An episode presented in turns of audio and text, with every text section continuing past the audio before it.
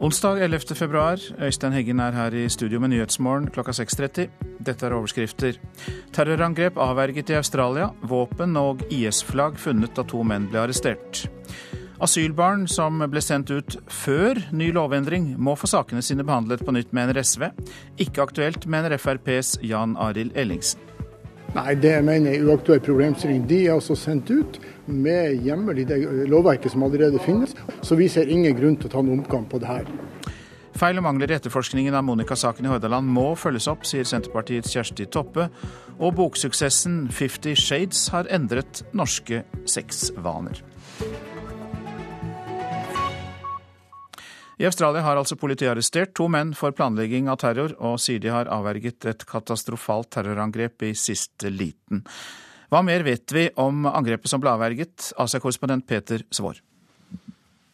Det tyder nå på at eh, disse to planla et eh, terrorangrep som involverte bruk av machete og jaktkniv. Visepolitimester Catherine Byrne i New South Wales sier politiet tror de planla å drepe eller skade noen med disse knivene i et angrep som skulle utføres på vegne av IS, den islamske staten, og som skulle fremstilles som hevn i et eh, angrep som eh, skulle følge oppskriften fra andre tidligere IS-angrep. Men det som virkelig gjør mange i Australia urolig i dag, er at katastrofen øyensynlig ble avverget i absolutt siste liten. Eh, ved siden av knivene er det funnet et hjemmelaget IS-flagg og en video ment for publisering etter terrorangrepet. Og delstatsminister i New South Wales, Mike Baird, sier i dag at en katastrofe trolig er avverget. Hvem er de to arresterte? Disse to er ikke tidligere kjent for politiet. De heter ifølge rettsdokumentene Omar al-Kutubi og Mohammad Kiad. De er 24 og 25 år gamle. De ble arrestert i en vestlig forstad av Sydney som heter Fairfield i går ettermiddag i firetiden. Og de stilles for retten i Sydney i dag, der de har bedt om å få arabisk tolk. Omar al-Kutubi skal ha vært i Australia som datastudent i tre år. Mohammad Kiad kom først i fjor. De to bodde sammen. De var ifølge naboene svært religiøse. og det antas antas også at de har hatt en form for tilknytning til den islamske staten. Det er knapt to måneder siden en dramatisk gisseltaking i Sydney. Hvorfor uh, tror de i Australia at de kanskje opplever en terrorbølge nå? Delvis fordi statsminister Abbott i oktober valgte å gå militært inn i koalisjonen som kjemper mot IS i Irak og Syria. Men trusselnivået var økende i Australia også før den beslutningen ble tatt. Og spenningene også stigende med Australias radikale muslimske befolkning etter at australsk politi gjennomførte sin største antiterroraksjon noensinne i september i fjor, hvor de bl.a. avslørte planer om å halshugge sivile i både Brisbane og Sydney. Politiet ble også kritisert i disse aksjonene for en brutal brutal behandling av mange som ikke hadde gjort noe kriminelt. Og, og når det gjelder gisselaksjonen ved Martin Place i desember, tror politiet ikke at gjerningsmannen der hadde noen direkte tilknytning til verken IS eller andre eh, ekstreme grupper i Midtøsten. Altså er korrespondent Peter Svaar, takk så langt. Over 20 eh, 000 fremmedkrigere fra hele verden har reist til Syria og sluttet seg til IS eller andre ytterliggående opprørsgrupper, ifølge amerikansk etterretning.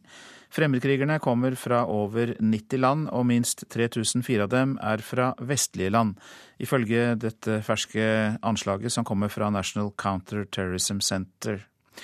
Antallet fremmedkrigere som forlater sine hjemland for å kjempe i Syria, øker da svært raskt, advarer amerikanerne. Opprørernes representanter i Minsk sier det er altfor tidlig å snakke om en våpenhvile øst i Ukraina. I dag skal det være toppmøte i den hviterussiske hovedstaden om konflikten. Men de prorussiske opprørernes bakkeoffensiv mot regjeringens stillinger svekker håpet om at samtalene skal føre til fred. Det russiske nyhetsbyrået Ria Novosti melder at forhandlingene nå skal dreie seg mest om opprettelsen av en demilitarisert sone. Og vi får mer om dette etter klokka sju. Så fort eh, forholdene gjør det mulig, vil søket etter en mann som er savnet etter et snøskred i Reisadalen i Nord-Troms, bli tatt opp igjen. Denne scooterføreren ble meldt savnet seint i går kveld, etter at bekjente hadde sett scooterspor gå inn i skredet. Været og skredfaren gjorde det umulig å sende inn letemannskaper, sier operasjonsleder i Troms politidistrikt, Roy Tore Meyer. Det var da en eh, fagleder skred fra en eh, frivillig Eh, hjelpemannskap samt politi. Da ble området vurdert som eh, da eh, ikke trygt å ferdes i. Så hva skjer fremover nå? Det er kalt ut en god del frivillige letemannskaper som har etablert seg nede ved Rundhaug. Så fort at vi får vær- og lysforhold til å gjøre nye vurderinger, så vil det bli satt i gang. Hvordan er forholdene på stedet nå? Været har vært vekslende, men det har vært Eh, meldt om eh, til tider mye vind og snø. Skredfaren er vurdert som eh, overhengende. Roy Tore Meyer fra Troms politidistrikt, intervjuet av Pia Tøhaug. SV mener 76 asylbarn må få sakene sine vurdert på nytt. Barna ble sendt ut av Norge samtidig som KrF, Venstre og regjeringen diskuterte begrensninger i utsendelsen av asylbarn. Men eh, det forslaget møter liten støtte hos Fremskrittspartiet. Dermed vil eh, asylbarna stå igjen som taperne, det mener SVs Karin Andersen. Det er jo unger som sitter igjen med svarteper, og det er jo bare dem som bærer konsekvensen av det som Anundsen skulle ha gjort og det som Venstre og KrF skulle ha pressa fram og fått til mye tidligere. SV-politiker Karin Andersen er klar i sin tale. Alle de lengeværende asylbarna som var sendt ut av Norge medan regjeringa, KrF og Venstre diskuterte nye føreskrifter for asylbarn, må få sakene sine handsama på ny. Og nettopp det var også et av de mange spørsmålene som Venstres Abid Raja spurte justisminister Anders Anundsen om på fredag under en stortingshøring om saka. Og Hvis det da viser seg at det har gått utover en del unger som kunne kommet inn under den nye forskriften som er tredd i kraft, er ikke det moralsk og etisk riktig å hente de hjem igjen? Men der er det jo slik at et nytt regelverk gjelder fra det tidspunktet et nytt regelverk blir satt i kraft. Det har det jo ikke vært noen store diskusjoner om. Så systemfeilene skal gå utover individene, det er det du sier? Utover det som har vært behandlet i Stortinget. Og Stortinget har to ganger sagt at den ikke skal Nå, ha den det, jeg, jeg skal ikke stelle flere spørsmål. Anundsen kom aldri med lovnader om at sakene skulle bli vurderte på ny. Og nå har SV sendt inn forslag til Stortinget om at nettopp det bør skje. Forslaget høster støtte hos både KrF og Venstres André Skjelstad. Det er klart at Vi vil presse på at vi får en individuell behandling på de som har mulighet til å få gjenreist sine saker på nytt. Men samtidig som KrF og Venstre støtter SVs forslag, så er de også åpne for å snakke videre med regjeringa om saka. Og i Politisk kvarter i går sa statsminister Erna Solberg at hun gjerne tar seg en prat med de to støttepartiene.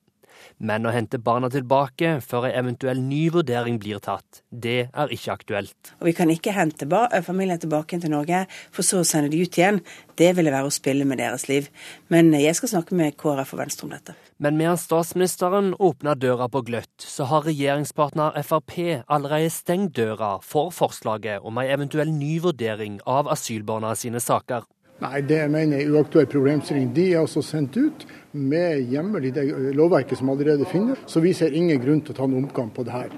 Men eh, kan ikke dette være med på å eh, bedre forholdet til samarbeidspartiene KrF og Venstre, som ønsker en ny behandling? Nå er jo sånn at Fremskrittspartiet sitt primære mål er å drive Fremskrittspartiet sin politikk. Så får KrF og Venstre drive sin politikk. Vi gjør det vi mener vi kan gjøre innenfor det avtaleverket som finnes, og med basis i, i regjeringsplattformen og partiprogrammet vårt, og der står vi stødig. Det sa til slutt FrPs Jan Arild Ellingsen. Reportere Vega Kjørom, Eva Marie Bulai og David Krekling.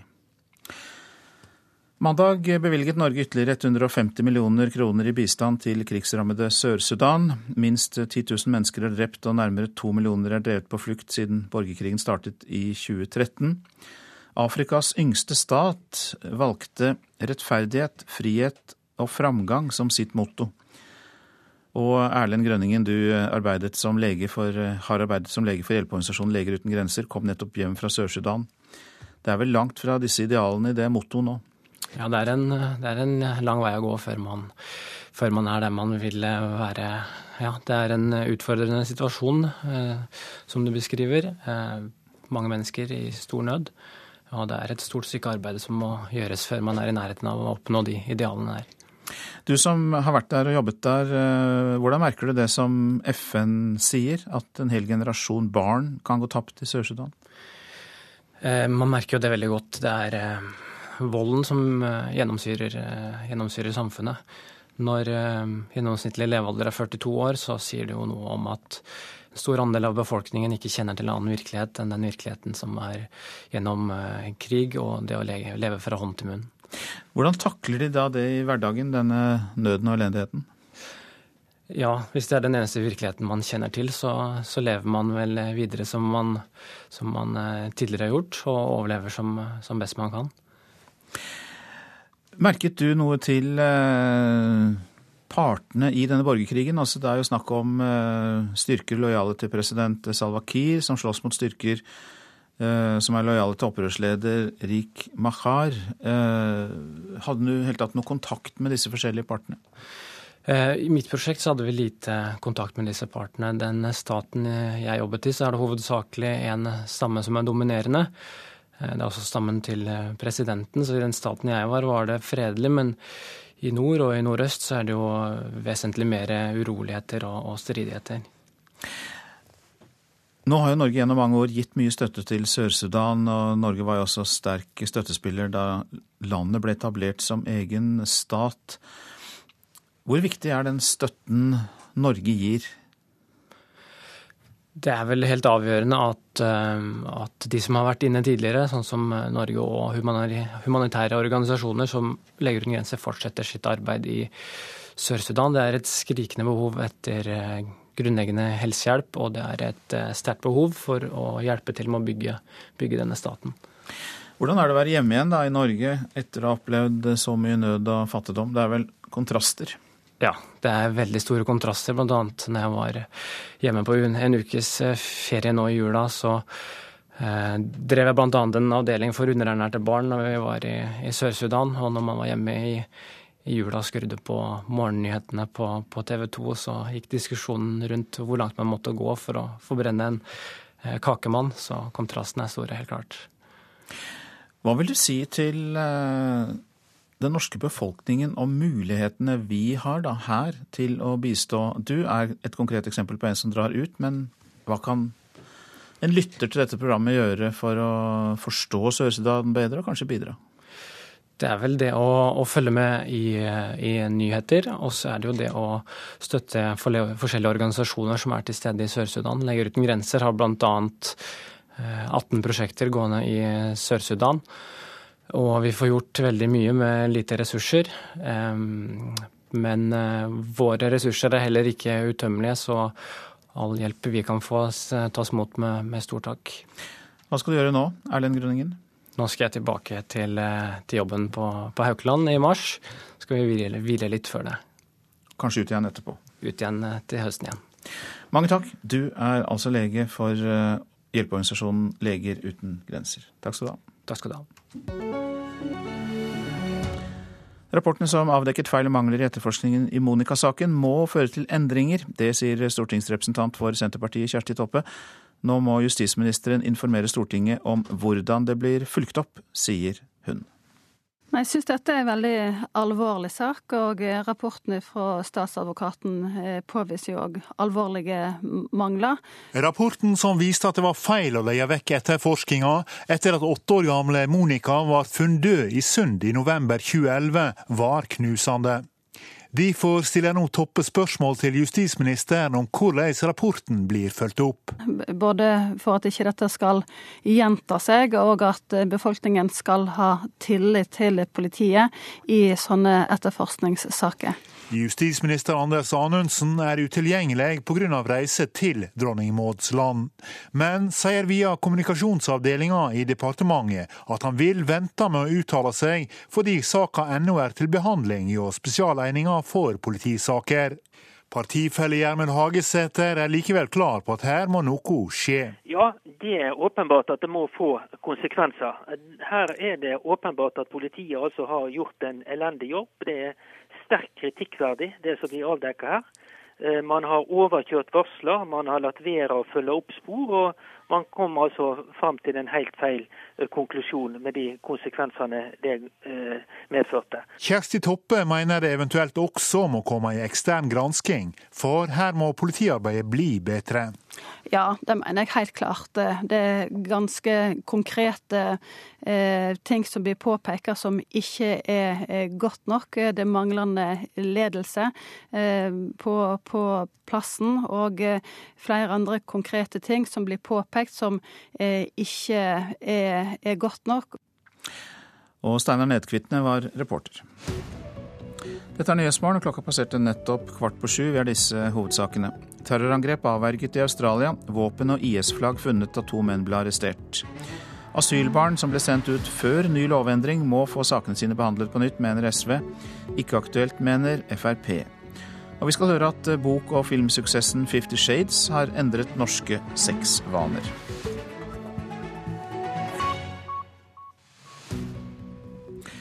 Nå til det avisen er opptatt av. Hemmelig rapport slår alarm om Forsvarets datasystem, kan vi lese i Aftenposten. Interne brukere vil stanse datasystemet til mange hundre millioner kroner, fordi de er redd for at det kan brytes sammen. Geir Lippestad kjemper for Anders Behring Breivik igjen, er oppslaget i Dagbladet.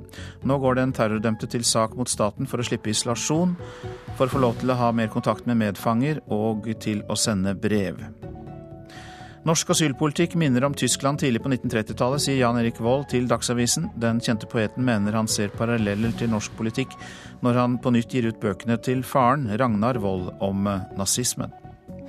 De europeiske ekstrempartienes syndebukker er tema i vårt land. Finanskrise, avindustrialisering og globalisering har ført til at muslimer, homofile, romfolk og jøder blir syndebukker, kan vi lese der.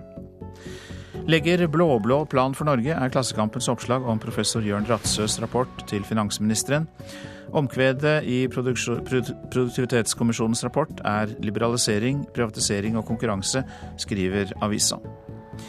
Vil ha en helt ny landbrukspolitikk. Det skriver Nasjonen om samme tema. Professor Ratsøs kommisjon foreslår å fjerne jordbruksavtalen, satse på stordrift og bygge ned tollvernet. Tre uker på sykehus uten å få dusje. Stavanger Aftenblad forteller om 90 år gamle Rolf Tingbø, som fikk høre at de ansatte ved Stavanger universitetssykehus hadde for travelt til å sørge for at han fikk dusj. Det beklager ledelsen ved sykehuset nå. Har ofte vært alene med ansvaret for 64 eldre. Sykepleier Carmen Hjemås sier til Adresseavisen at hun ikke tror politikerne vet hvor mye hjelp en pasient på et sykehjem trenger. Det var uvirkelig, sier den korrupsjonstiltalte Torleif Enger til Nei, til Dagens Næringsliv er det. Den tidligere Yara-sjefen sier han følte seg villedet under Økokrims etterforskning, og at han aldri ble konfrontert med at sønnen til en minister i Libya skulle ha fått penger fra Yara. Lokkepriser i boligmarkedet, slik blir det lurt til å legge inn bud, skriver VG. Eiendomsmeglerforeningen varsler bøtelegging av meglere, som setter prisantydningen lavere enn selger er villig til å akseptere. Kontrollaksjoner varsles til våren.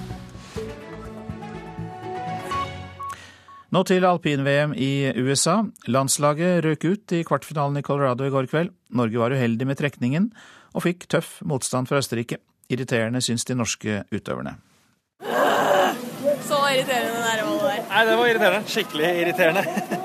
Det er irriterende å rykke ut så tidlig, egentlig. Det norske laget er enige. Tapet mot Østerrike i kvartfinalen var av det sure slaget. Og den tøffeste oppgaven av alle gikk til Leif Christian Haugen, som møtte verdens beste alpinist, Marcel Hirscher, i sin duell.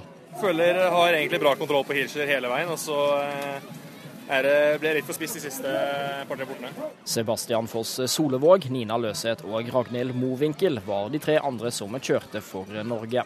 Løseth fikk det tøft i sin duell mot Eva Maria Brem. Vi hadde håp på å være litt skarpere i dag, alle sammen. I hvert fall for min egen del, så jeg er ganske misfornøyd med med det jeg presterte her. Østerrike gikk videre og tok gullet under lagkonkurransen.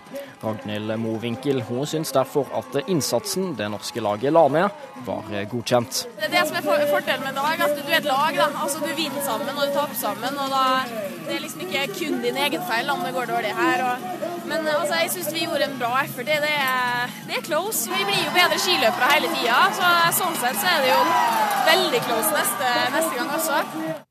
Reporter Henrik Agledal. Flere sykehusansatte er villige til å jobbe tolv timer i strekk for å unngå helgevakter hver tredje uke.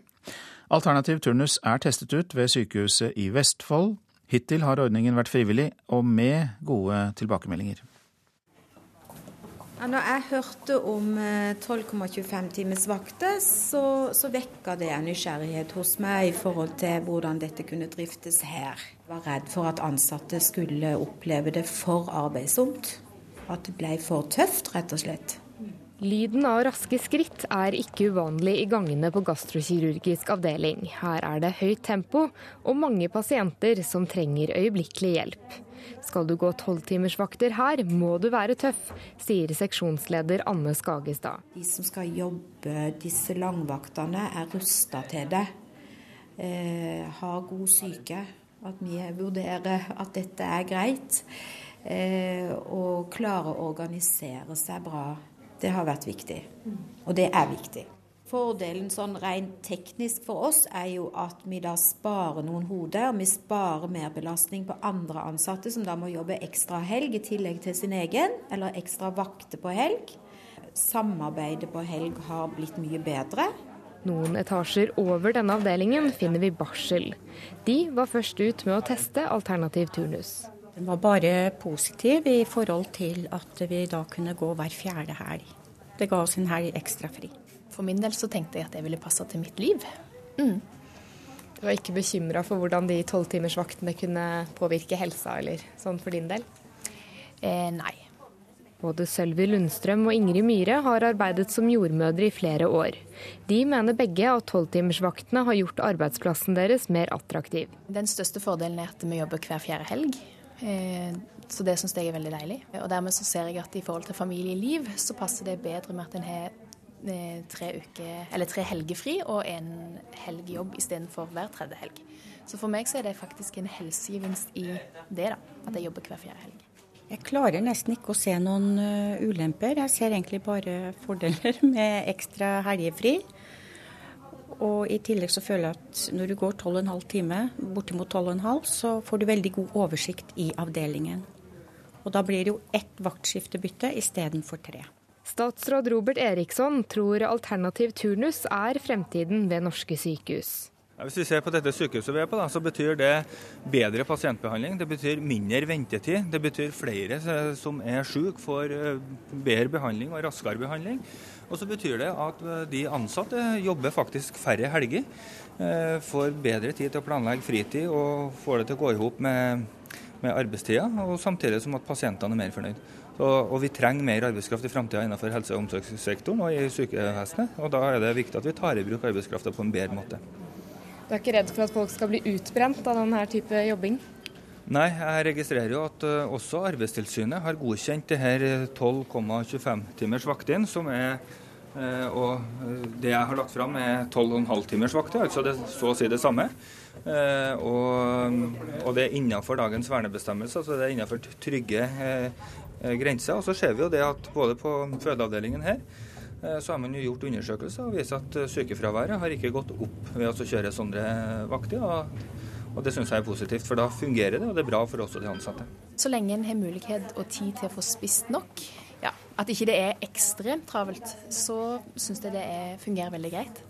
Eh, men det hender jo noen vakter som har vært veldig travle, og da, da kjenner en jo når en kommer til morgenen at, det, mm, at en har vært lenge nok på jobb.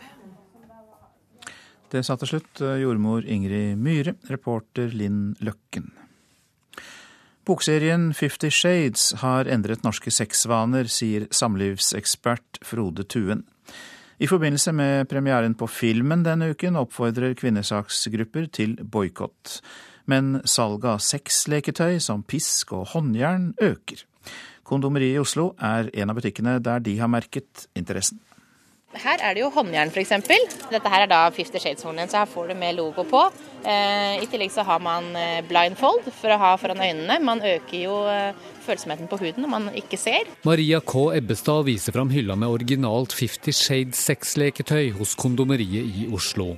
Kolleksjonen selger voldsomt, sier hun. Når vi sammenligner tallene med januar i fjor og januar i år, så er det 202% opp. I Fifty Shades-trilogien blir den unge litteraturstudenten Anastacia Steele dominert på ulike vis av den eldre forretningsmannen Christian Grey. Bøkene er solgt i mer enn 100 millioner eksemplarer, og sies å ha gjort håndjern og pisk stuereint verden over. Samlivsekspert Frode Tuen mener norske sexvaner også er endret. Når Fifty Shades of Grey-bøkene kom, så fikk de en enorm gjennomslagskraft. Og det har nok vært med på å forandre seksualvanene og seksualpreferansene til veldig mange kvinner. Terskelen for hva man kan prøve blir lavere, og det blir mer eh, legitimt rett og slett å leve ut sine seksuelle fantasier. Er det en god ting? Ja, på mange måter tenker jeg det. Det å ha mye seksuelle hemninger er jo ikke noe spesielt bra, verken for den enkelte eller for parforholdet. Sexolog og psykiater Håkon Aars er ikke overrasket over at mange henter inspirasjon til sexlivet fra Fifty Shades-bøkene. Det er jo noe med at folk syns det er spennende å gjøre det som er sånn litt ulovlig, på en måte. Han poengterer at Fifty Shades først og fremst er et kvinnefenomen, noe som legger et visst press på den norske mannen. Nå er det veldig mye damer som er interessert i å se på dette her, og det kan jo være spennende å se om den norske mannen kanskje kan åpne opp litt for sine egne prinsipper. For det trenger vi? En del norske menn trenger det. Det, det, det mener jeg. Raskt etter at E.L. James sine bøker kom ut, ble de beskyldt for å alminneliggjøre vold mot kvinner. I fjor høst ble det til og med gjort en studie ved University of Michigan som konkluderte med at kvinner som leste Fifty Shades, var mer utsatt for partnervold og spiseforstyrrelser, og hadde flere sexpartnere enn kvinner som ikke hadde lest bøkene. Mr. Gray will see you now. I kveld vises filmversjonen av Fifty Shades for første gang for presse og publikum under filmfestivalen i Berlin. Like? I Norge er premieren på fredag. Da har kvinnegruppa Ottar varslet at de vil demonstrere både i Oslo og Stavanger. Ebbestads Kondomeriet tror derimot filmen vil føre til at enda flere nordmenn vil gå til anskaffelse av håndjern og pisk. Ja, absolutt. Folk får mer lyst, men man tar med seg det hjem. Og reportere var Petter Sommer og Guro Kvalnes. Hackergruppa Anonymous sier de har stengt 8000 Twitter-kontoer som tilhører terrorgruppa Den islamske staten IS. Etter angrepet mot satiremagasinet Charlie Hebdo i Paris i januar lovet Anonymous å spore opp og stenge ned alle kontoer på sosiale medier som har tilknytning til terrorgruppene. Al Qaida, IS og også andre grupper. Og Anonymous har også stengt tolv Facebook-sider og mer enn 50 e-postadresser. En gjennomgang som CNN har gjort, viser at de fleste av kontoene som hackerne listet opp, nå er utilgjengelige. Så til værvarselet. Fram til midnatt. Fjellet i Sør-Norge. Vestlig sterk kuling utsatte steder nord for Finse eller sliten kuling. Og oppholdsvær. Østland og Telemark oppholdsvær og perioder med sol. Fra i ettermiddag liten kuling på kysten. Agder stort sett oppholdsvær. Fra i ettermiddag sørvest liten kuling på kysten øst for Oksøy. Rogaland og Hordaland litt regn, snø over 800 meter. Fra i ettermiddag opp i liten kuling på kysten. Sogn og Fjordane sørlig stiv kuling på kysten, sterk kuling ved Stad. Regn, snø over eh, om lag 800 meter. Møre og Romsdal sørvest opp i liten storm på kysten, stort sett oppholdsvær. Trøndelag sørvest opp i liten storm på kysten, også der. Det blir regn, snø over 800 meter, stort sett oppholdsvær i indre strøk i sør. Helgeland og Saltfjellet. Vestlig liten kuling. Fra i formiddag sørvestlig sterk kuling på kysten sør for Helgeland. Regn over 300 meter. Over 300, regn over 300 meter blir det snø, og lokalt mye nedbør. Salten, Ofoten og Lofoten. Vestlig stiv kuling. I ettermiddag minkende vind. Snøbyger, og på kysten sludd. Vesterålen og Troms vestlig periodevis full storm utsatte steder. I kveld oppe i liten kuling av skiftende retning. Det blir snøbyger og snøfokk. Finnmark vestlig periodevis liten storm, utsatte steder kortvarig full storm. Først merkes det vest i Finnmark. På vidda vestlig stiv kuling utsatte steder, snøbyger og snøfokk. Nordensjøland på Spitsbergen østlig liten kuling utsatte steder og litt snø. Så var det temperaturer målt klokka fire i natt. Svalbard lufthavn er nede i minus 26. Kirkenes minus 9. Varde minus 2. Alta minus 3. Tromsø pluss 1, Bodø pluss 4. Brønnøysund har vi ikke fått inn, men Trondheim, Værnes og Molde hadde begge pluss 8 grader. Bergen-Flesland 5, Stavanger 4, Kristiansand-Kjevik og Gardermoen begge pluss 2. Lillehammer pluss 1, Røros minus 4 og Oslo-Blindern 0 grader.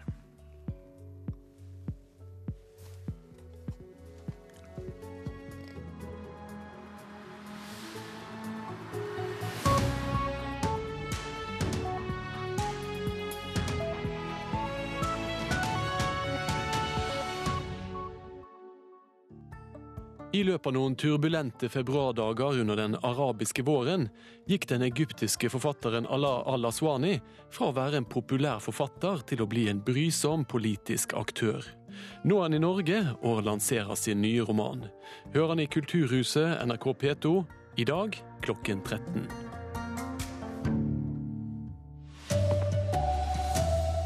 Politiet i Australia har avverget et alvorlig terroråtak i storbyen Sydney.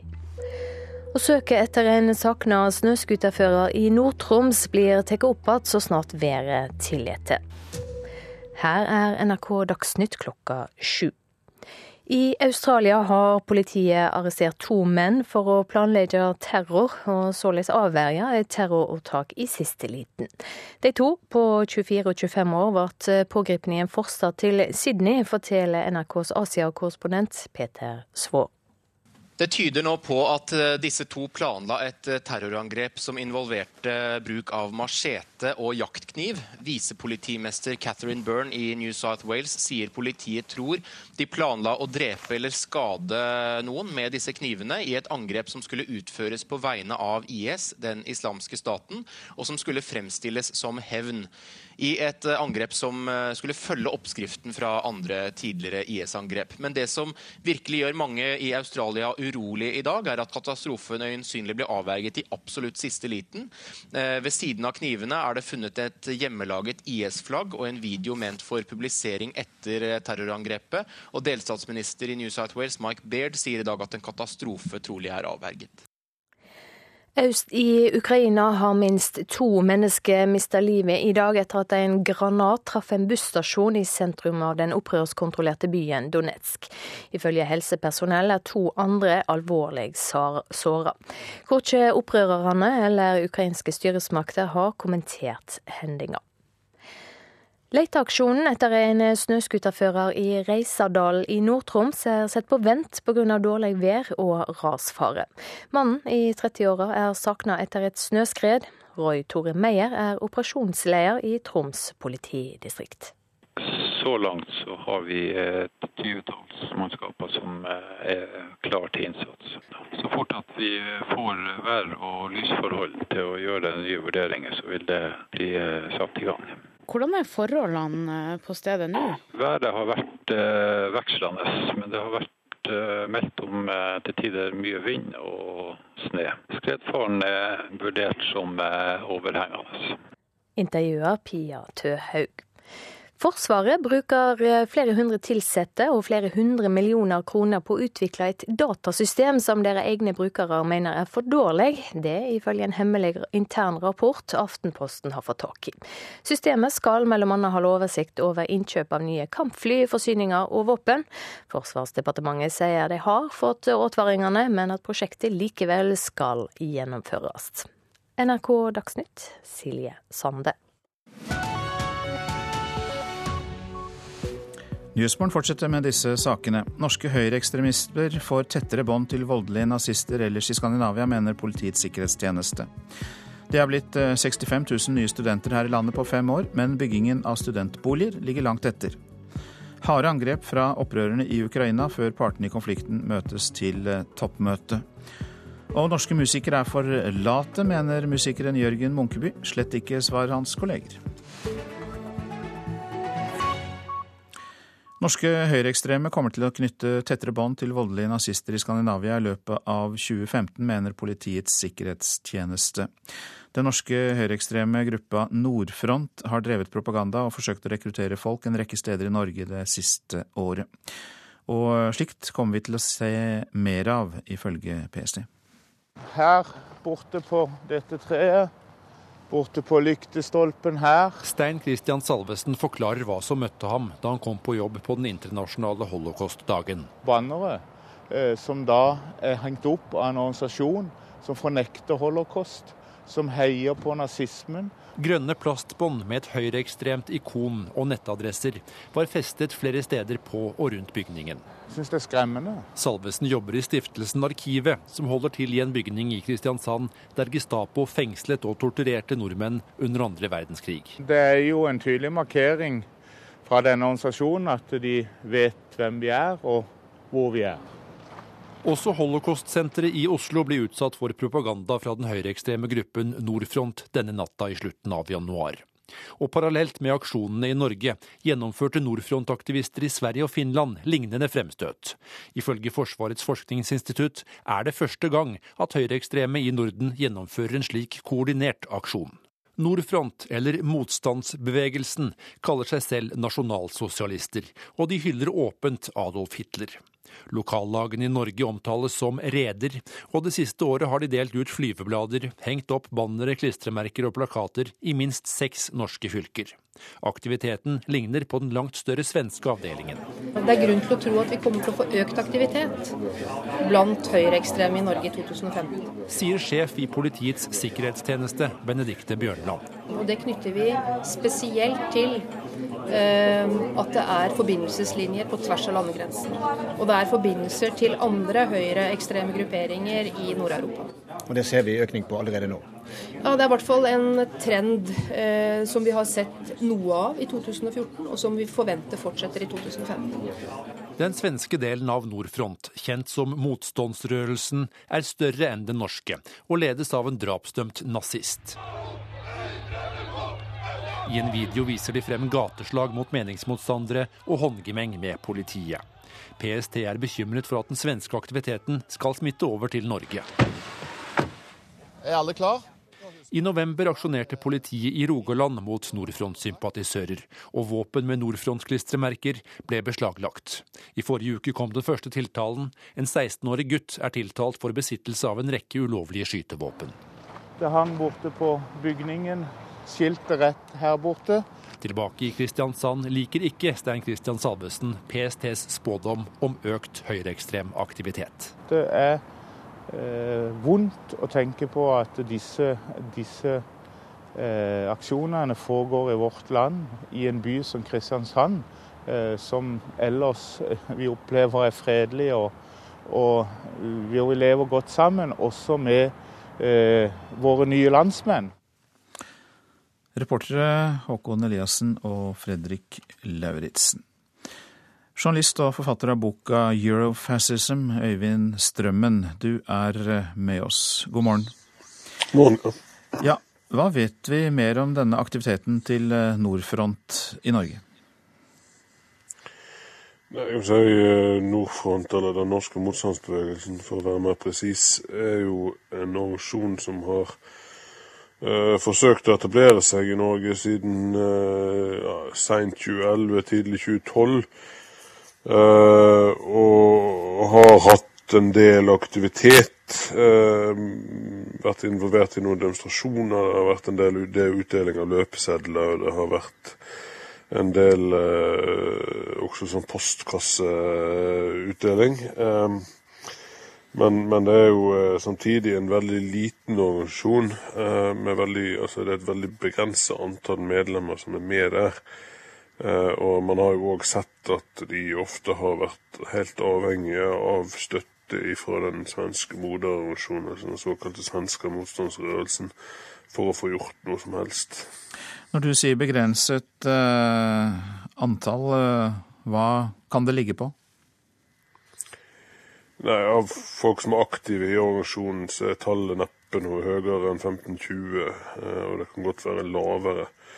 De som tidligere leda organisasjonen på norsk side, har også da flytta til Sverige, slik at det har vært litt de har vært litt svekka. Den svenske organisasjonen har også blitt litt svekka de siste årene pga. fremveksten av en, av en konkurrent i det såkalte Svenskernes parti. Så, så noe mer enn 15-20 personer er det ikke. Men i hvilken grad har storsamfunnet grunn til å frykte denne organisasjonen og beslektede? Det er klart, denne organisasjonen har jo vært eh, måte, den nynazistorganisasjonen som nå har hatt mest suksess i Norge, eh, og har vært en av de aller største i Sverige i, i en god del år. Eh, og det i seg sjøl er jo en altså Nasjonalsosialistisk ideologi er jo en voldsideologi og innebærer i seg sjøl en fare. Samtidig så ser man at folk som har hatt tilknytning til den svenske organisasjonen, har hatt relativt lav terskel for bruk av vold. Og da spesielt vold overfor politiske motstandere på, på ytre venstre fløy, men også overfor andre. Eh, slik at de representerer jo en, en fare. Uh, selv om man skal være forsiktig med å overdrive denne faren. Og man skal også være klar over at dette er en organisasjon som ønsker eh, PR, som ønsker oppstuss, og som ønsker oppmerksomhet. Hva skal vi frykte mest? Islamsk terror eller nynazistisk ekstremisme? Det er jo et spørsmål som som er ganske vanskelig å svare på på én måte, eh, samtidig som det er ganske enkelt. I dag så er den islamistiske ekstremismen bedre organisert.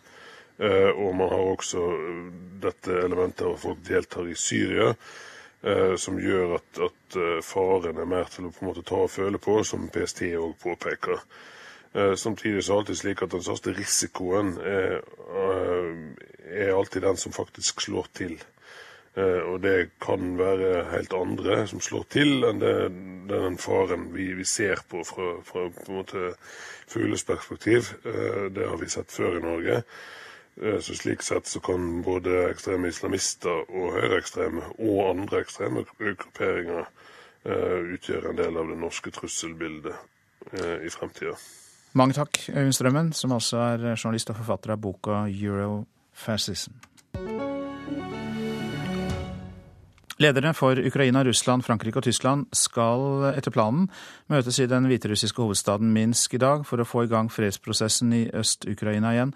Men eh, det har eh, inntil det siste vært knyttet usikkerhet til møtet. Krigshandlingene fortsetter jo for fullt på bakken.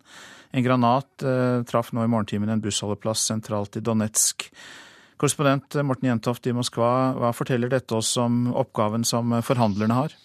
Det forteller jo alt. Det forteller at dette kommer til å bli en uh, tøff uh, oppgave. Dagens uh, angrep, to drepte igjen da i sentrum av Danetsk. Muligens et svar på gårsdagens angrep fra separatistene på byen Kramatorsk, som jo er den midlertidige hovedstaden for eh, eh, den regjeringskontrollerte administrasjonen i Donetsk fylke, der eh, 15 mennesker eh, ble drept. Eh, dette er jo ikke med selvfølgelig på å legge et godt grunnlag for eh, disse forhandlingene. Men nå sier Ukrainas president Petro Porosjenko, som i natt besøkte Kramatorsk, besøkte skadede fra angrepet i går, at han reiser til Minsk for å forsøke å få til en avtale. Det mest spennende blir å se hva Russlands president Vladimir Putin gjør. Han har jo gjort det helt klart at hvis det ikke er lagt et grunnlag på forhånd for at det blir en avtale i Minsk, en avtale som gir eh, separatistene utvidet selvstyre, utvidede fullmakter innenfor en føderasjon i Ukraina, ja, så reiser ikke han heller til, til Minsk. Men eh, nå ser det jo i alle fall ut som om det blir et møte i Minsk, eh, i alle fall sånn som det ser ut nå. Men hva er da det minimum de kan bli enige om i Kiev? Eh, det det de kan bli enige om i Minsk, først og fremst er jo en våpenhvileavtale. altså Der man blir enige om å, å, slutte de voldsomme krigshandlingene som vi har sett de siste eh, dagene.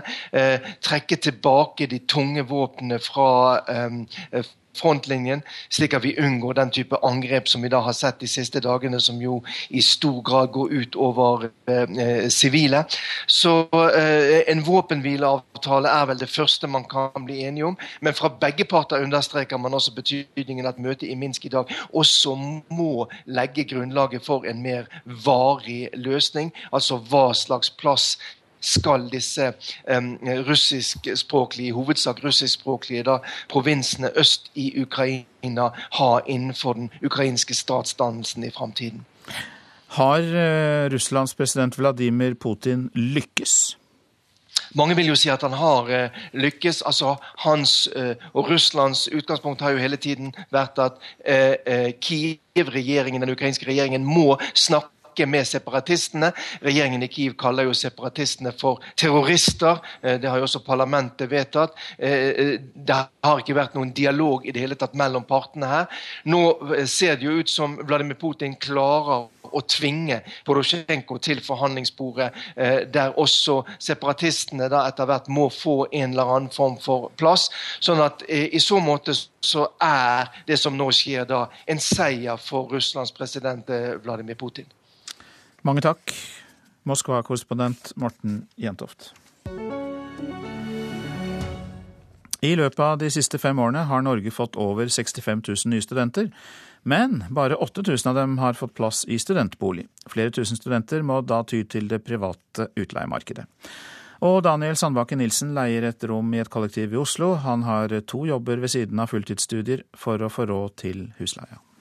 Det private utleiemarkedet tyner studenter og folk til bristepunktet. Nicolas Wilkinson sier at boligprisene er høye, studentene får dårlige leiligheter og ender opp med lite penger å leve av.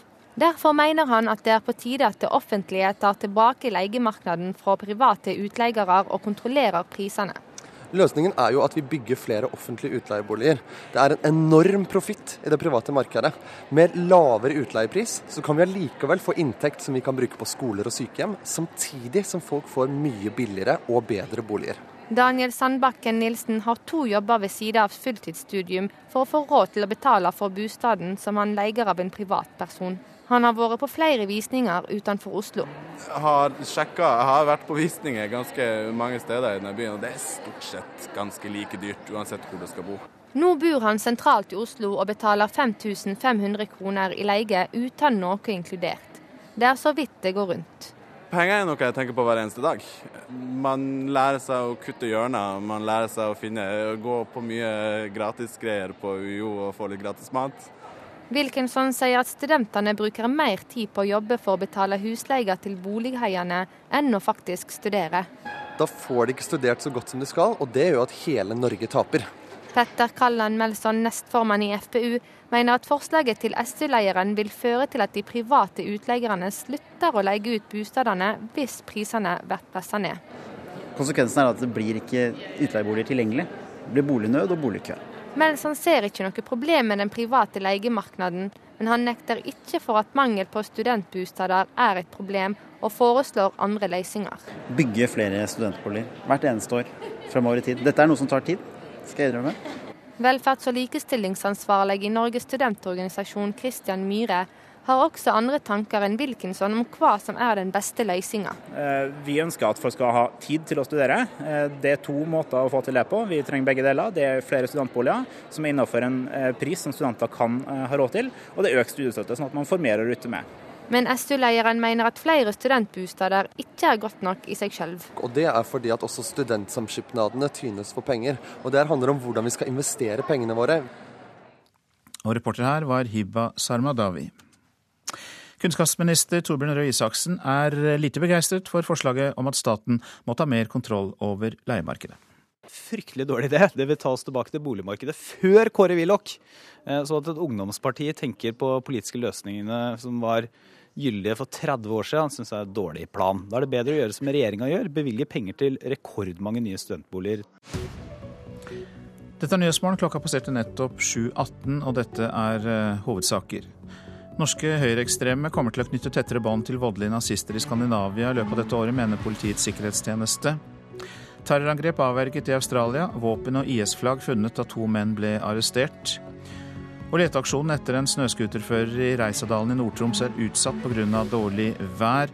Mannen er savnet etter et snøskred.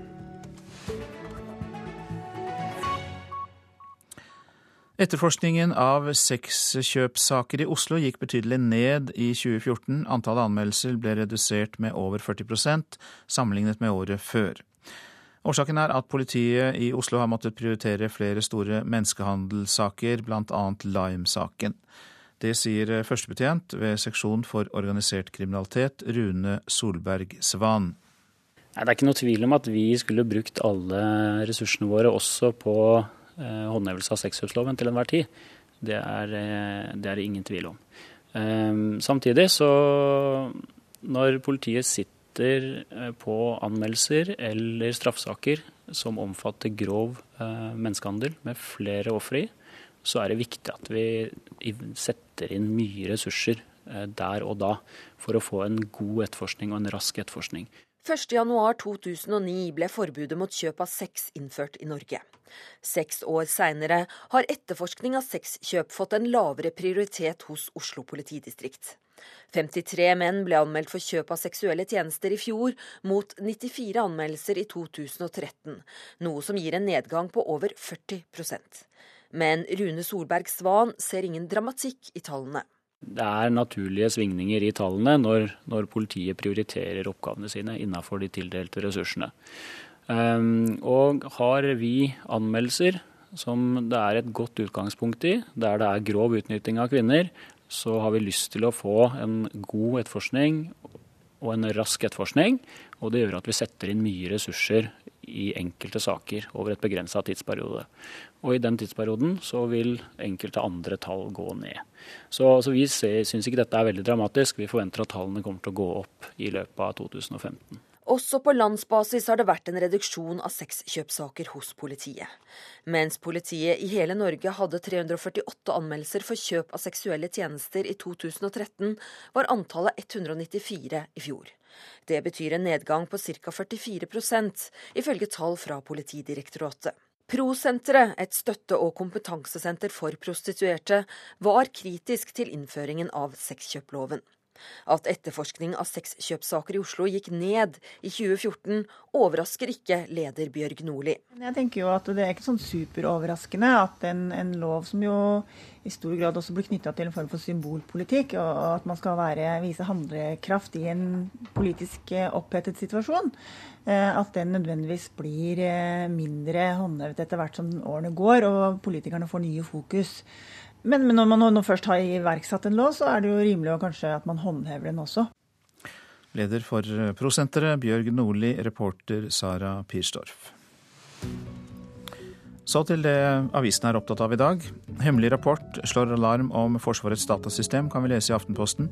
Interne brukere vil stanse datasystem til mange hundre millioner kroner, fordi de er redd det kan bryte sammen. Geir Lippestad kjemper for Anders Behring Breivik igjen, er oppslaget i Dagbladet. Nå går den terrordømte til sak mot staten for å slippe isolasjon, få lov til å ha kontakt med medfanger og eh, til å sende brev. Norsk asylpolitikk eh, minner om Tyskland tidlig på 1930-tallet, sier Jan Erik Vold til Dagsavisen. Den kjente poeten mener han ser paralleller til norsk politikk når han på nytt gir ut bøkene til faren, Ragnar Vold, om eh, nazisme. De europeiske ekstrempartienes syndebukker er tema i vårt land. Finanskrise, avindustrialisering og globalisering har ført til at muslimer, homofile, romfolk og jøder er blitt syndebukkene. Legger blå-blå plan for Norge, er Klassekampens oppslag om professor Jørn Ratsøs rapport til finansministeren. Omkvedet til Produktivitetskommisjonen er liberalisering, privatisering og konkurranse, skriver avisa. Vil ha en helt ny landbrukspolitikk, skriver Nasjonen om samme tema. Professor Ratsøs kommisjon foreslår å fjerne jordbruksavtalen, satse på stordrift og bygge ned tollvernet. Tre uker på sykehus uten å få dusje. Stavanger Aftenblad forteller om 90 år gamle Rolf Tingbø, som fikk høre at de ansatte ved Stavanger universitetssykehus hadde det for travelt til å sørge for at han fikk en dusj. Det beklager ledelsen ved sykehuset nå. Har ofte vært alene med ansvaret for 64 eldre. Sykepleier Carmen Hjemmås sier til Adresseavisen at hun ikke tror politikerne vet hvor mye hjelp en pasient på et sykehjem trenger. Det var uvirkelig, sier den korrupsjonstiltalte Torleif Enger til Dagens Næringsliv. Den tidligere Yara-sjefen sier at han følte seg villedet under Økokrims etterforskning, og at han aldri ble konfrontert med at sønnen til en minister i Libya skulle ha fått penger fra Yara. Lokkepriser i boligmarkedet. Slik blir du lurt til å legge inn bud, skriver VG. Eiendomsmeglerforeningen varsler bøtelegging av meglere som setter prisantydningen lavere enn selger er villig til å akseptere. Kontrollaksjoner varsles til våren. Norske musikere er for late og ofrer ikke nok for å bli best. Dermed får ikke norsk musikk nok oppmerksomhet i utlandet, mener musikeren Jørgen Munkeby. Vi står kanskje foran tidenes beste konsertvår, det meldte i hvert fall NRK i går. Men det er mer å hente, mener Munkeby, som har latt seg inspirere av en film. I want to be one of the greats. And because I'm doing that, it's going to take up more of my time. And this is why I don't think that we should be together. Den kritikerroste filmen 'Whiplash', som bl.a. er nominert til Oscar for beste film, handler om en ung trommeslager som ofrer alt i livet for å bli verdens beste jazzmusiker. Filmen gjorde et sterkt inntrykk på den musikeren du her hører spille gitar i sitt nedslitte musikkstudio. Jørgen Munkeby, kjent fra band som Shining og Jaga Jazzist, kjente seg igjen i filmens budskap. Jeg har nok ofra mer enn uh, jeg trodde jeg måtte ofre. Det har vært overraskende. Og jeg har nok ofra mer enn en gjennomsnittlig nordmann. Uh, men det er jeg stolt av. Men han mener ikke at norske musikere jevnt over ofrer nok. Norske musikere blir uh, utkonkurrert av utenlandske musikere. utenlandske musikere har generelt ofra mer enn norske musikere i, ungdomstida. De har blitt bedre. Nå jobber de hardere. De uh, har mindre behov for ferie. Og de har f.eks. lavere krav og forventninger til komfort. I en kronikk på NRK Ytring skriver han at norske musikere har det for godt, og at de kan bli fremtidens tapere. Konsekvensene blir at norsk musikk ikke får den oppblomstringa i utlandet som vi jobber mot, og som vi ønsker. Nei, jeg er uenig. Eh, min oppfatning er at norske musikere og kunstnere jobber utrolig hardt. Det sier Kristine Thomassen, som er nestleder i Musikernes Fellesorganisasjon. En fagforening bestående av 8000 musikere og kunstnere. Eh, som de både nasjonale og internasjonale resultatene som nå faktisk, som faktisk ligger der, viser, så har norske kunstnere og musikere både evner og vilje til å gjøre det bra. Det at vi har noen som gjør det bra, betyr ikke at det ikke er potensial for å gjøre det bedre. Svarer Munkeby, og viser til at rundt halvparten av musikerne i Norges største kor og orkestre er utlendinger. Det er fordi at det er ekstremt mange dyktige utøvere om beinet. Eh, og det er klart, som jeg sa, i et internasjonalt arbeidsmarked og med operahus og orkester som legges ned i hele, i hele, Europa spesielt, så er det jo klart at det blir mer press på jobbene.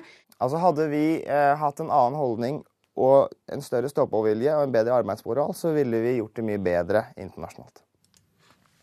Og eh, hele kronikken til Jørgen Munkeby som du hørte her, eh, kan du lese på nrk.no ytring. Reporter var Christian Ingebretsen. Kirken eh, må kunne ta standpunkt i viktige politiske spørsmål, mener biskopen i Nord-Hålogaland. Stortingspolitiker Tina Bru fra Høyre meldte seg nemlig i går ut av kirken etter at representanter for Den norske kirke skrev i en kronikk at regjeringens oljepolitikk er aggressiv. Biskop Olav Øygard han mener klimaspørsmålet er altfor viktig til at kirken ikke skal eh, kunne uttale seg. Jeg mener det at Kirka må ta standpunkt, og i hovedsak så er det prinsipielle standpunkter, men en del saker er såpass viktig og såpass klar at vi også koster på oss å, å ta konkret standpunkt i enkeltsaker. Dette er jo en sånn sak. I Aftenposten kunne vi i går lese biskopene i Nord- og Sør-Hålogaland bispedømme sammen med andre organisasjoner ta til orde for at Norge bør bremse oljeproduksjonen og la mye olje ligge igjen i bakken. Det mente jeg var å tråkke litt vel langt. Sier stortingspolitiker Tina Bru fra Høyre. Hun melder seg ut av statskirka etter å ha lest kronikken. Det er noe med at Når du tar det skrittet og sier at man politisk skal styre en nedlegging av olje- og gassindustrien, så mener jeg det er å tråkke altfor langt. Og Det er òg en dårlig klimapolitikk, og det er ikke en klimapolitikk jeg som medlem av Kirken kan stille meg bak. og Da mener jeg det er riktig å melde seg ut. Jeg syns det er veldig leit at Tina Bru melder seg ut av Den norske kirke. Det, det må jeg si. Men eh, vi må jo få lov å mene noe i kirka, og, og, og dette her er en sak som, eh, som, bekymrer meg og mange med meg veldig. At uh, Oljeproduksjonen vokser og vokser, og vi ser også at uh, temperaturen på den jordkloden som vi bor på, den, den stiger. Ja, Biskop Olav Vegard hørte vi der, og vi hørte også da stortingspolitiker Tina Bru, reporter Marit Gjelland. Ja, du lytter til Nyhetsmorgen, produsent i dag Tanje Grimstad. Her i studio Øystein Heggen. I dag er det en uke til askeonsdag, og det betyr også karneval. Opplev mer i reportasjen etter Dagsnytt. Regjeringen og støttepartiene skal forhandle om endringer i arbeidsmiljøloven, og sykefraværet i kommunene er høyt. Ja, det er de to temaene i Politisk kvarter. Og så minner vi om nettstedet radio.nrk.no, der du kan høre alle NRKs radiokanaler. Absolutt alle. Og det nettstedet var også radio.nrk.no.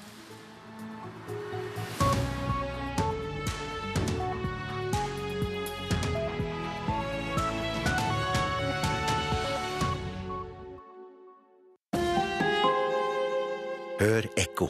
Et lite stikk. Vaksiner mot barnesykdommer har reddet millioner av barneliv på få år. Men nå blusser det opp igjen i vestlige land fordi foreldre er skeptiske. Ja, du må jo kunne nekte sprøytestikk på ditt eget barn? Eller har du et kollektivt ansvar for alle barns helse? Ekko 9 11 i NRK P2. Norske høyreekstreme trapper opp kontakten med nazister i utlandet, ifølge PST. Bare et fåtall av studentene får tilbud om studentbostad. Mange betaler svært dyrt for å leie privat. Og pisk og hannjern er på full fart inn i norske dobbeltsenger. God morgen, her er NRK Dagsnytt klokka 7.30. Høyreekstreme i Norge kommer til å knytte tettere bånd til voldelige nazister i Skandinavia i år, og aktiviteten deres kommer til å øke. Det mener PST. Gruppa Nordfront har avdelinger i Norge, Sverige, Finland og Danmark. Det siste året har de hengt opp propaganda og prøvd å rekruttere folk en rekke steder i Norge. Her borte på dette treet borte på lyktestolpen her. Stein Christian Salvesen peker på det som møtte ham da han kom på jobb holocaustdagen. Bannere eh, som da er hengt opp av en organisasjon som fornekter holocaust, som heier på nazismen, Grønne plastbånd med et høyreekstremt ikon var festet flere steder. Syns det er skremmende. Salvesen jobber i stiftelsen Arkivet, som holder til i en bygning i Kristiansand, der Gestapo fengslet og torturerte nordmenn under andre verdenskrig. Det er jo en tydelig markering fra denne organisasjonen at de vet hvem vi er og hvor vi er. Også Holocaust-senteret i Oslo ble utsatt for propaganda fra Nordfront denne natten i slutten av januar. Og samtidig med aksjonene i Norge gjennomførte Nordfront i Sverige og Finland lignende fremstøt. Ifølge Forsvarets forskningsinstitutt er det første gang høyreekstreme i Norden gjennomfører en slik koordinert aksjon. Nordfront, eller motstandsbevegelsen, kaller seg selv nasjonalsosialister, og de hyller åpent Adolf Hitler. Lokallagene i Norge omtales som reder, og det siste året har de hengt opp bannere, klistremerker og plakater i minst seks norske fylker. Virksomheten ligner på det som skjer i den langt større svenske avdelingen. Det er grunn til å tro at vi kommer til å få økt aktivitet blant høyreekstreme i Norge i 2015. Sier sjef i Politiets sikkerhetstjeneste, Benedikte Bjørnland. Og det knytter vi spesielt til Eh, at det er forbindelseslinjer på tvers av landegrensen. Og det er forbindelser til andre høyreekstreme grupperinger i Nord-Europa. Og Det ser vi økning på allerede nå? Ja, Det er i hvert fall en trend eh, som vi har sett noe av i 2014, og som vi forventer fortsetter i 2015. Og NRK har via e-post bedt om et intervju med lederen av Nordfront i Norge, men uten å få svar. Reportasjen var laget av Håkon Eliassen, Fredrik Lauritzen og Bjørn Atle Gildestad. Minst to mennesker mista livet i dag da en granat traff en busstasjon i sentrum av den opprørskontrollerte byen Donetsk øst i Ukraina. Samtidig skal lederne for Ukraina, Russland, Frankrike og Tyskland møtes i Minsk i dag, og målet med møtet er å få til en løsning på konflikten i Ukraina. Og korrespondent Morten Jentoft i Moskva, først, hva er siste nytt om åtaket i Donetsk? Ja, Det skal da ha vært en granat eller en rakett som har truffet da taket på denne busstasjonen, gått gjennom taket. Og eh, den har da forårsaket brann i to busser. Og to mennesker skal være drept, to skal være skadet, ifølge myndighetene i Danetsk. Hva er det håp om å få til på dette toppmøtet i Minsk eh, senere i dag? Ja, Det man håper å få til i første omgang, da er jo en våpenhvileavtale og en tilbaketrekking av de tunge våpnene fra frontlinjen, slik at man unngår den type angrep som man så i dag i Donetsk, og ikke minst i går mot eh, byen Kramatorsk, der 15 mennesker ble, ble, ble drept. Det er det første. Men eh, viktigst er jo også å legge et grunnlag for en mer varig politisk løsning på konflikten øst i Ukraina Ukraina. Det har man jo fra russisk side, fra Russlands president Vladimir Putin, sagt at myndighetene i Kiev må snakke med eh, eh de prorussiske eh, separatistene, og at målet må være at eh, de eh, i hovedsak russisktalende områdene øst i Ukraina må få eh, utstrakt selvstyre, men at dette skal skje innenfor en ukrainsk statsdannelse. Takk skal du ha, Morten Jentoft. I Australia har politiet arrestert to menn for å planlegge terror, og således avverge et terroråtak i siste liten. Politiet kom mellom annet over kniver og et IS-flagg i aksjonen. When we did the search of the premises, a number of items were located, Ransakingen har avdekket flere kniver, et hjemmelaget IS-flagg og en video der en mannsperson snakker om et terrorangrep, sier visepolitimester Catherine Byrne i delstaten New South Wales. De skal ha blitt oppdaget i siste liten i går, og hjemmet deres ble ransaket i går ettermiddag. Politiet tror de skulle bruke knivene til å drepe eller skade sivile, men har ikke gått ut med eksakt på hvilken måte. Senest i fjor avdekket australsk politi at terrorister hadde planer om å offentlig halshugge sivile i Sydney og Brisbane, for så å legge videoer av hendelsene ut på nettet. Politiet tror det avvergede angrepet skulle utføres med budskap om hevn for hendelser i Midtøsten, der Australia siden oktober i fjor har deltatt militært i koalisjonen som kjemper mot den islamske staten. Peter Svår, Beijing. Hydro skal eh, bygge et fullskala pilotanlegg på Karmøy for å utvikle verdens mest energi- og klimaeffektive aluminiumsproduksjon. Den endelige avgjørelsen om å satse på prosjektet til 3,9 milliarder kroner er avhengig av at Hydro får sikra robust krafttilgang, skriver selskapet i en pressemelding. Dette vil bli den største investeringa i fastlandsindustrien utenom olje og gass på et tiår, ifølge konsernsjef Svein Rikard Brandtzæg. I løpet av de fem siste åra har Norge fått over 65 000 nye studenter. Men bare 8000 av dem har fått tilbud om studentbostad. Flere tusen må de få ty til private utleiere. Leder av Sosialistisk Ungdom, Nicholas Wilkinson, mener det offentlige bør ta mer kontroll i leiemarkedet. Det private utleiemarkedet tyner studenter og folk til bristepunktet. Nicolas Wilkinson sier at boligprisene er høye, studentene får dårlige leiligheter og ender opp med lite penger å leve av. Derfor mener han at det er på tide at det offentlige tar tilbake leiemarkedet fra private utleiere og kontrollerer prisene. Løsningen er jo at vi bygger flere offentlige utleieboliger. Det er en enorm profitt i det private markedet. Med lavere utleiepris så kan vi allikevel få inntekt som vi kan bruke på skoler og sykehjem, samtidig som folk får mye billigere og bedre boliger. Daniel Sandbakken Nilsen har to jobber ved siden av fulltidsstudium for å få råd til å betale for bostaden som han leier av en privatperson. Nå bor han sentralt i Oslo og betaler 5500 kroner i leie uten noe inkludert. Det er så vidt det går rundt. Penger er noe jeg tenker på hver eneste dag. Man lærer seg å kutte hjørner, man lærer seg å finne, gå på mye gratisgreier på UiO og få litt gratis mat. Petter Kalland Melson, nestformann i FPU, ser ikke noe problem med den private leiemarkedet, men han nekter ikke for at mangel på studentbosteder er et problem, og foreslår andre løsninger. Bygge flere studentboliger hvert eneste år fremover i tid. Dette er noe som tar tid.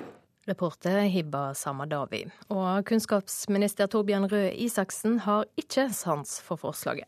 Fryktelig dårlig idé. Det vil ta oss tilbake til boligmarkedet før Kåre Willoch. Eh, så at et ungdomsparti tenker på politiske løsningene som var gyldige for 30 år siden, syns jeg er en dårlig plan. Da er det bedre å gjøre som regjeringa gjør, bevilge penger til rekordmange nye studentboliger. Bokserien Fifty Shades har endra norske sexvaner. Det sier samlivsekspert Frode Tuen.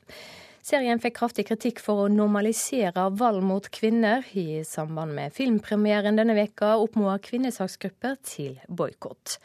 Samtidig øker salget av sexleketøy som pisk og håndjern kraftig. Det merker de bl.a. på kondomeriet i Oslo. Her er det jo håndjern f.eks. Dette her er da Fifty Shades-hornet, så her får du med logo på. Eh, I tillegg så har man eh, blindfold for å ha foran øynene. Man øker jo eh, følsomheten på huden når man ikke ser. Maria K. Ebbestad viser fram hylla med originalt Fifty Shades sexleketøy hos Kondomeriet i Oslo. Kolleksjonen selger voldsomt, sier hun. Når vi sammenligner tallene med januar i fjor og januar i år, så er det 202% opp. I Fifty Shades-trilogien blir den unge litteraturstudenten Anastacia Steele dominert av den eldre forretningsmannen Christian Grey. Bøkene har endret norske sexvaner, mener samlivsekspert Frode Tuen. Når Fifty Shades of Grey-bøkene kom, så fikk de en enorm gjennomslagskraft. Og det har nok vært med på å forandre seksualvanene og seksualpreferansene til veldig mange kvinner. Terskelen for hva man kan prøve blir lavere, og det blir mer eh, legitimt rett og slett å leve ut sine seksuelle fantasier. I kveld vises filmversjonen av Fifty Shades for aller første gang for presse og publikum under filmfestivalen i Berlin. Ebbestad hos Kondomeriet tror mange norske par vil la seg inspirere etter å ha sett filmen.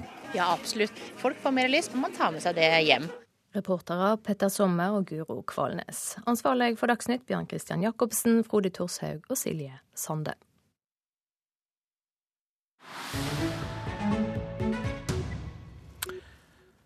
Og fra Fifty Shades i Dagsnytt til askeonsdag i Nyhetsmorgen, for i dag er det nemlig en uke til innledningen av fasten. Men eh, før den så skal de rettroende både feite seg opp og feste. Det er klart for karneval, forteller Joar Ho Larsen i denne reportasjen.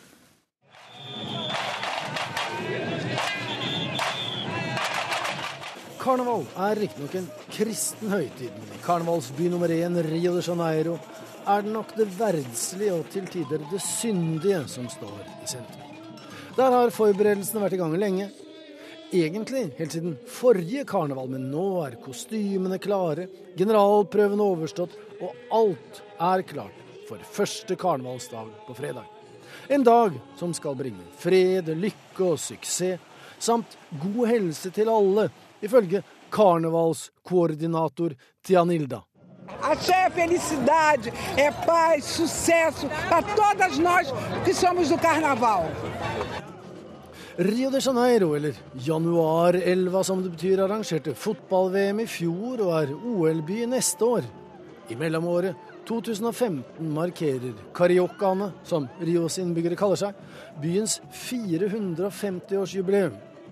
Denne viktige begivenheten i byens historie er i år et tema for mange av de tolv offisielle sambaskolene som skal delta i den fargerike og prestisjetunge karnevalsprosesjonen på søndag, ifølge sambadanser Dilma. Irmãos, para todas as escolas de samba, em homenagem aos 450 anos do Rio de Janeiro. Muito axé! I tre hele dager til ende, og vel så det, er gatene fylt opp av et par millioner festglade mennesker. Mange svært lettkledde. Det er trøkk og trommer, støy og stemning. Kun iført sine fineste fjær svinger de seg til sambarytmene. De fleste sprer glede, mens noen skaper skandale. Som for 20 år siden, da landets president Itmar Franco fikk besøk av en vakker karnevalsdeltaker på sitt fang, der han satt på ærestribunen. Og som den brasilianer han var, både kysset og klappet han den sparsomt kledde skjønnheten. Det styrket faktisk den litt kjedelige Francos omdømme at han var såpass om seg. Men det var et stort men den gangen, for det var bare TV-kameraene som var plassert nedenfor presidentens plattform, og millioner av TV-seere som fikk med seg at presidentens nye venninne ikke hadde truse på. Hvilket presidenten de påfølgende dager påsto han ikke visste, og lurte på om det var kritikkverdig at han ikke hadde gjort nok for å finne det ut.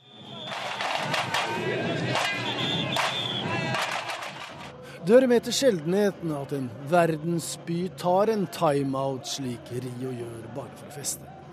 Men livet i Brasil har lenge vært hardt for mange. Da hjalp det å glemme alle bekymringer en liten uke. Brasilianere flest har hatt gode år lenge nå, men i forbindelse med fotball-VM i fjor ga middelklassen uttrykk for misnøye med pengebruken. De vil ha bedre skoler, sykehus og veier i stedet for meningsløse fotballarenaer. Årets karneval avvikles mens landet opplever den verste tørken på mange tiår. Det er så ille at det er snakk om både vann- og strømrasjonering på landsbasis. Parallelt vokser korrupsjonsskandalen rundt det nasjonale oljeselskapet Petrobras, der regjeringspartiet beskyldes for å ha mottatt hundrevis av millioner av dollar i smøring. Og president Dilma Rousef betaler prisen med popularitetstall i fritt fall. Og under slike rammevilkår kan man forstå at nasjonen slår ut håret, senker skuldrene og tar seg en heidundrende fest. Dette er hovedsaker i Nyhetsmorgen. Norske høyreekstreme trapper opp kontakten med nazister i utlandet, ifølge PST. Det er blitt 65 000 nye studenter her i landet på fem år, men byggingen av studentboliger ligger langt etter. Terrorangrep avverget i Australia. Våpen og IS-flagg ble funnet da to menn ble arrestert. Og I dag er det planlagt toppmøte i Kiev om konflikten i Ukraina. Det er mellom lederne fra Ukraina, Russland, Tyskland og Frankrike. Men de prorussiske opprørernes bakkeoffensiv svekker håpet om at samtalene skal føre til fred. Nå Politisk kvarter, og der er Håvard Grønli programleder.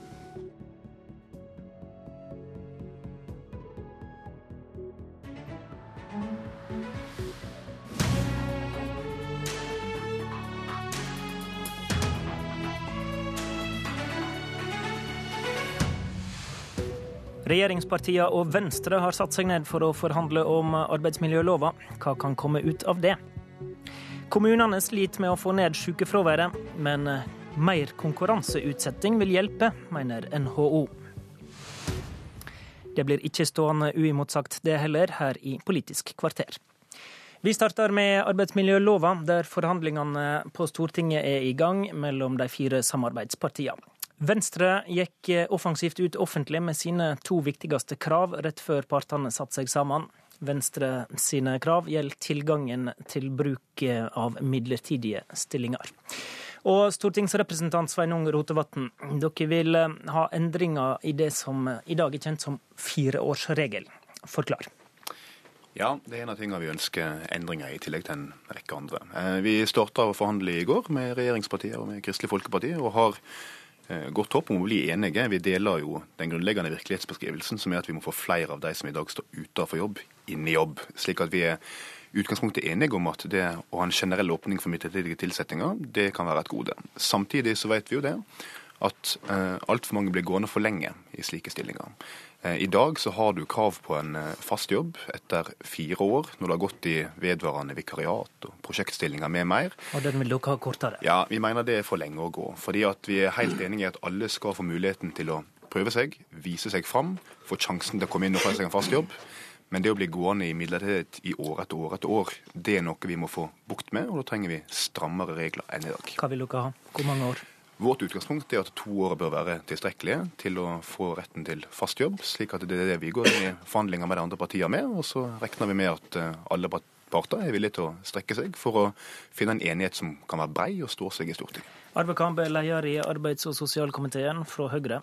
I utgangspunktet vil regjeringspartiene bevare dagens ordning med at en får krav til fast stilling etter fire år. Er det interessant å lytte til Venstres krav om to år?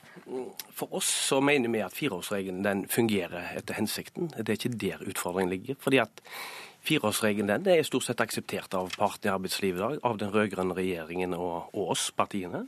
Fordi at den sikrer den fleksibiliteten som næringslivet trenger. Det kan være i forhold til oppdrag, det kan være i forhold til prosjekter. Ikke minst nå med den ordningen, den situasjonen som er i næringslivet i dag, hvor det er usikkerhet om langtidskonsekvensene. Det å ha prosjektoppdrag basert på prosjektfinansiering, det er veldig mange bedrifter som, som bruker. Dessuten så viser jo dagens erfaring at halvparten av de som er midlertidig ansatte i dag, har fast jobb etter ett år. Så fire år er litt teoretisk? Ja, det er en teoretisk mulighet i dag som, som partene i arbeidslivet i dag eh, bruker. Problemet med, med fireårsregelen er i den grad han blir misbrukt. Eh, og Da må vi heller slå ned på det. Og Det store problemet for oss er ikke fireårsregelen. Eh, det regjeringspartiet nå har sagt om, det er at de store bruddene når det gjelder midlertidige ansettelser i dag, det er f.eks. i statlig sektor. Hvor etter åtte rød-grønne år har vært eh, store innslag av midlertidige ansettelser. Vi skal, vi skal komme til det, men Rotevatn først. Arbeidsgiverorganisasjonene sier jo at å forkorte denne fireårsregelen vil ødelegge den fleksibiliteten som arbeidsgiverne nå kan få med en ny lov. Vi har registrert at flere er skeptiske til det. men Samtidig har det vært et viktig krav fra eh, flere arbeidstakerorganisasjoner å stramme inn på denne regelen. Akademikerne f.eks. sier at det er et viktig premiss når en nå skal gå inn og gi en generell adgang til midlertidige ansettelser. Og eh, Vi er jo enige med regjeringspartiene i alt det som handler om eh, at en kommer seg eh, kjapt ut i fast jobb når en begynner i midlertidig jobb. Det vet vi jo. Etter ett år så er halvparten ute i fast jobb, etter to år er to tredjedeler av det. Men etter to år så skjer det veldig lite. Det er den norske erfaringa, og det er den internasjonale erfaringa. Og da blir folk fort gående i midlertidige stillinger. Slik at om vi skal klare å få den gode effekten det er å få eh, folk eh, inn i en jobb der de får muligheten til å prøve seg, og så få en fast jobb, så er etter vårt syn fire år for lenge, og det er en regel vi mener bør strammes inn. Og Kambe, det kan ikke være litt forlokkende da, å komme den illsinte arbeidstakersida bitte litt i møte ved å akseptere Venstres krav her? Jeg opplever at eh, det vi snakker mest om nå, det er å skape flere arbeidsplasser. Gjøre rammebetingelsene bedre for små og mellomstore bedrifter, som denne regjeringen er blitt valgt på. Det handler ikke bare om skatte- og avgiftslettelser og fornye og forenkle offentlig sektor. Det handler også om å ha en, en arbeidsmiljølov som er tilpasset morgendagens arbeidsliv. Det mener vi at vi tar med det beste fra dagens lov og forbedrer i framtida. Det er det ene. Så mener vi at eh, når det gjelder rammebetingelser for småbedriftene f.eks., så tror vi at for, hvis vi strammer inn den regelen der, så lar veldig mange eh, Da kan det bli en overbemanning som gjør at de istedenfor sier nei til oppdrag. Det blir en dårligere, eh, dårligere arbeidsforhold for de som er i arbeidslivet. Så for oss så er fireårsregelen viktig av hensyn til fleksibiliteten. Og så må vi heller se på andre måter vi kan komme Venstre i møte. For vi ønsker å støtte opp om de som skaper arbeidsplasser i Norge i dag. Og det gjør vi ikke med å endre på fireårsregelen, det gjør vi med f.eks. å åpne opp for en generell adgang til midlertidig ansettelse. Så du sier da får vi se hva andre områder vi kan komme Venstre i møte på. Um, og du var inne på dette med offentlig sektor. Um, Rotevatn, Venstre har stilt krav på det området uh, også, nemlig at, uh, at uh, det må bli stramma kraftig inn i bruken av midlertidige i offentlig sektor, som i dag er regulert av f.eks. tjenestemannslova. Hvorfor det? Ja, og nå er vi inne på noe av det som er, noe av det viktigste for Venstre, og har vært det i mange år. Um, vi har sett uh, over lang tid uh, at andelen midlertidige stillinger i staten um, og særlig innenfor akademia, universitets- og høgskolesektoren, er svært høy. I akademia så er det tett oppunder 20% Det er for mye. Og dette har jo gjentatte storting ytra sin bekymring og uro over. Og hver gang vi tok opp dette med Eh, den forrige regjeringa så var det jo hele tida sagt om at ja, dette har vi jo gjort noe med. Mm. En aldri gjort noe med det. Så kravet her er likebehandling, arbeidsmiljølov og tjenestemannslov? Ja, vi mener at det kan ikke være sånn at når du i dag eh, ikke har en generell adgang til midlertidig ansettelse etter arbeidsmiljøloven, og så ser du at innenfor tjenestemannsloven og staten så har i døra i praksis stått på vid gap i mange år, eh, og altfor mange blir gående i eh, mange, mange, mange år uten fast jobb. Så det å få en innstramming på reglene som gjelder for de som jobber i staten, er et viktig krav for Venstre. og det der eh, forventer vi og håper at regjeringspartiet og Kristelig Folkeparti lytter til oss. Kampen nå gjelder dette andre lover enn den som egentlig ligger på bordet nå, men eh, kan du gi Venstre noe på dette området?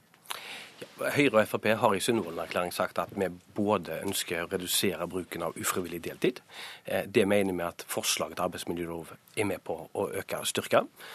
Samtidig så har vi sagt at vi vil redusere den store midlertidigheten i staten. Det gjelder særlig helseforetakene delvis statsadministrasjon, men ikke minst òg på sykehusene.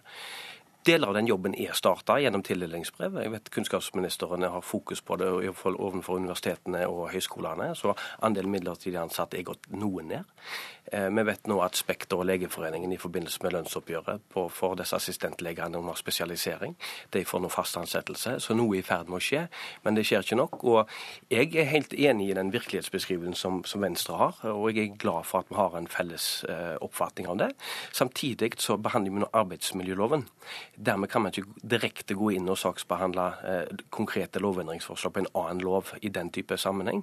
Eh, sånn at vi skal finne en måte å komme Venstre i møte på som òg ivaretar det Høyre og Frp har sagt i Sundvolden, nemlig at vi vil ha økt bruk av større stillinger, og vi vil ha redusert bruk av midlertidige ansettelser i staten. Så du kan love at en kommer tilbake til disse andre lovene og gjør noen innstramminger der? Det er det. Altså, Høyre, Frp og regjeringen har sagt at vi ønsker å ha en moderne, fleksibel arbeidsmiljølov som står seg over tid. Derfor er det viktig for oss i forhandlingene å gi Venstre noe, og gi KrF noe, sånn at vi sammen kan ha en god arbeidsmiljølov. Det som er erfaring over flere år, er at det er dessverre ikke nok å bare ha et, et fokus på å få ned midlertidigheten i staten. Du trenger strammere regler, så der må vi få konkrete forpliktelser når vi nå skal forhandle. Og jeg vil også si at når jeg nå foreslår å heve aldersgrensen i arbeidsmiljøloven, altså når du mister oppsigelsesvernet ditt, så bør det også gjelde i staten, slik at du kan stå i jobb lenger også der, ikke minst innenfor akademia. Er Venstre. Eh, aldersgrensene får vi ta i en annen debatt. Takk til Arve Kambe og Sveinung Rotevatn.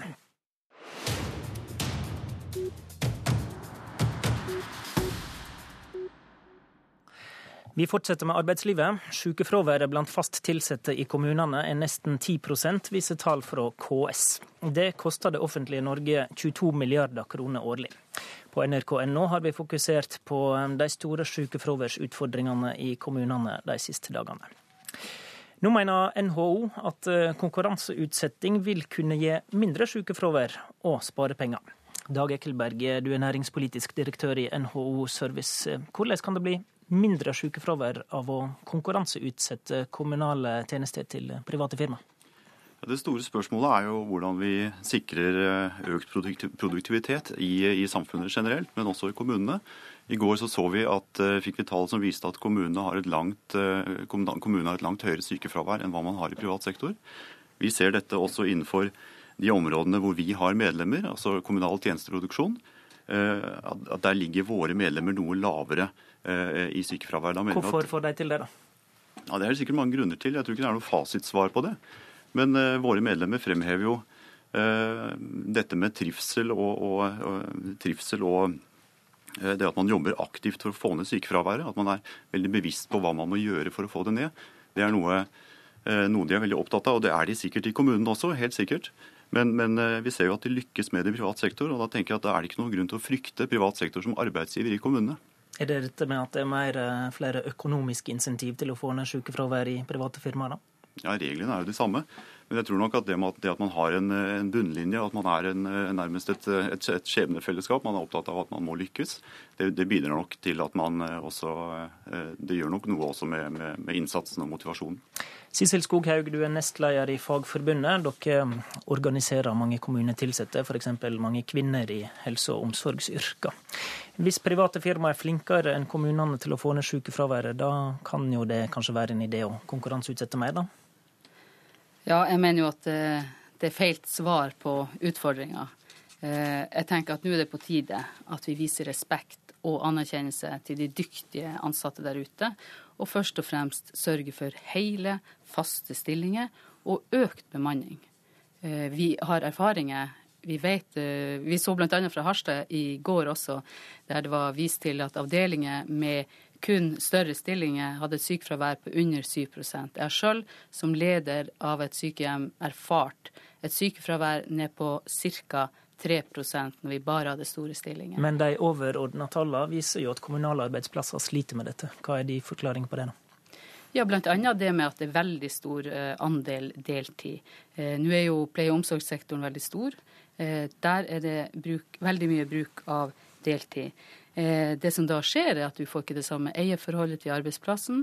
Det gjør noe med motivasjonen din, kontinuiteten, kjennskapen til arbeidsplassen, og ikke minst nærhet til kollegaer og ledere. Hva tror du skjer hvis en setter ut eh, flere av disse arbeidsplassene til private firmaer? Ja, jeg kan ikke forstå at uh, det vi vet Altså, vi vet allerede at det, uh, det vil gi redusert lønn, dårligere pensjonsvilkår og lavere bemanning. Og da skjønner jeg ikke at det kan øke f.eks.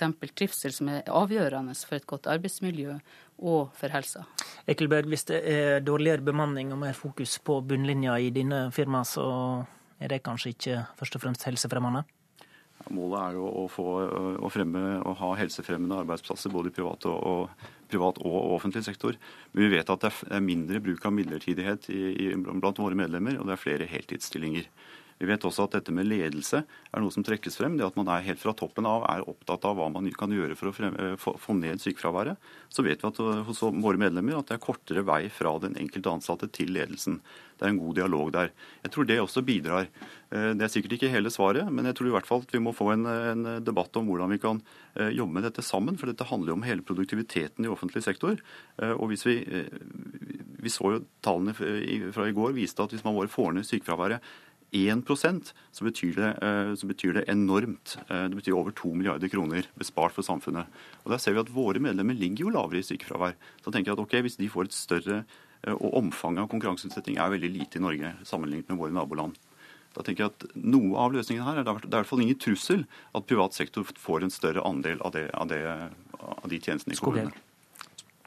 Ja, det er helt klart eh, det offentlige eh, Vi tenker at det er offentlige som har ansvar for, å, å, for velferdstjenestene, for å drifte sykehjem. Det offentlige